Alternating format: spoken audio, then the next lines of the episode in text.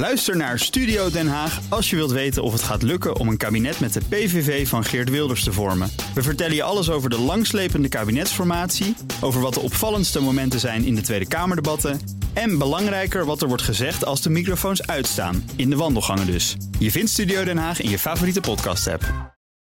Als u de volgende keer op reis gaat buiten Europa, krijgt u te maken met extra controles. De douane in alle landen van de Schengenzone gaan uw persoonlijke gegevens door een groot aantal databases halen.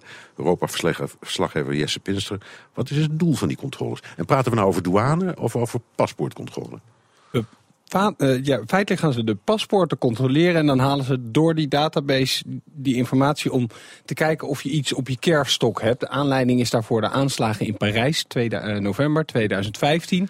Die Belgische daders, die bleken toen ook in Syrië geweest te zijn, in IS-gebied. En dat willen ze eigenlijk een stuk moeilijker maken met deze maatregel. Het opvallende hieraan is eigenlijk bij burgers van buiten de Europese Unie gebeurde dit vaak al, deze check. Maar nu gaat het dus ook voor EU-burgers gelden, zowel als je vertrekt als dat je aankomt van buiten de Schengenzone. En uh, nou, het Europees Parlement heeft daar een paar uur geleden mee ingestemd. En uh, het wordt dus echt verplicht om dat bij iedereen te gaan doen. En wat voor databasis gaat het dan? De belangrijkste is dan eigenlijk het Schengen Information System, zegt ook Jorrit Rijpma. Hij is universitair hoofddocent en verbonden aan het Europa-instituut. In het Schengen Informatiesysteem staat bijvoorbeeld gesignaleerd dat iemand gezocht wordt door de politie. Dat er een Europees aanhoudingsbevel is.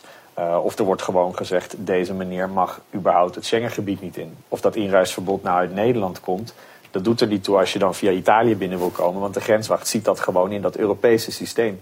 Er kan gekeken worden in uh, databases van, uh, van Interpol. Er wordt gekeken, uh, is dit paspoort wel geldig? Dus er is een heel aantal informatiesystemen. En daarvan wil de Europese wetgever nu dat grenswachten daar beter en, en systematischer gebruik van gaan maken. Ja, en zoals ik dus al zei, systematisch bij Europese burgers. Terwijl het eigenlijk tot op heden, nou ja, kon je vrij makkelijk vertrekken. En dan moet je maar even terugdenken aan Abu Talib, de burgemeester van Rotterdam. Hoe die reageerde na de aanslagen in Parijs. Rot op. Dat was eigenlijk zijn reactie van ga nou maar gewoon weg.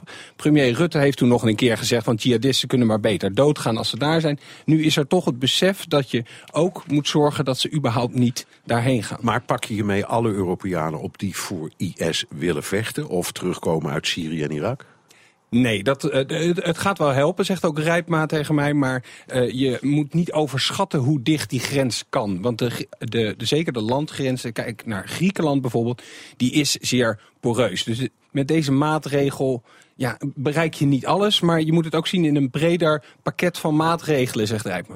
Er liggen allemaal voorstellen op dit moment. Er is net een, eh, een entry-exit systeem ingevoerd, waarbij, of tenminste aangenomen, dat gaat ingevoerd worden, waarbij iedereen die de Unie binnenkomt geregistreerd wordt en iedereen die weggaat met zijn vingerafdrukken. Er wordt gedacht over een, uh, een systeem, het ETIAS. Dat is een beetje vergelijkbaar met als je naar Amerika reist. In principe heb je geen visum nodig, maar je moet wel van tevoren even zo'n ESTA, zo'n zo zo zo toestemming aanvragen van tevoren. Nou, Europa is dat eigenlijk allemaal aan het kopiëren. Nou, dat kan je wel kopiëren, maar dan heb je natuurlijk allemaal maatregelen. En dan gaat het erom dat je ze ook uit gaat voeren. En dan, als je dan nou ja, wat verder ook in de berichten die het Europese parlement en de commissie nu naar buiten brengt, gaat, gaat lezen. dan staat daar ook wel dat nou ja, allemaal landen uitzonderingen kunnen krijgen tot zeker anderhalf jaar. Dus ze willen dat het binnen een jaar, anderhalf jaar ingevoerd is. Simpelweg omdat er vliegvelden, grensovergangen zijn die gewoon het materiaal niet hebben om jouw paspoort eventjes langs die databases ja, te halen. Nou, nou, nou ga je, jij gaat Europa nog alles uit. Ik, ik ga, nou, ik blijf meestal binnen Europa. Ik, ja, ja, je bent Europa-verslaggever. ik ga Europa zeer veel uit en kom dan ook weer terug. Gelden al deze maatregelen nu ook voor mij, bijvoorbeeld? Die maatregelen gelden voor jou, maar je hoeft niet te vrezen dat je nu ineens in ellenlange rijen komt te gaan staan.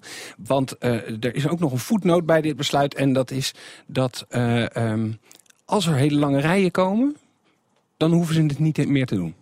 Dan is het feitelijk, dan gaan ze niet meer gewoon verplicht iedereen, maar dan wordt er ineens over gerichte ja. controles. En dan krijg je natuurlijk, dan kom je een beetje weer in de gevarenzone van, eh, krijg je dan etnisch eh, profileren, van die pikken we eruit en jou gaan we eens eventjes door die database halen om te kijken of je niet een gestolen paspoort hebt. En dat is ook de reden waardoor je toch zag dat een maatregel die vrij breed gesteund werd in het Europese parlement toch nog 120 tegenstemmen kreeg.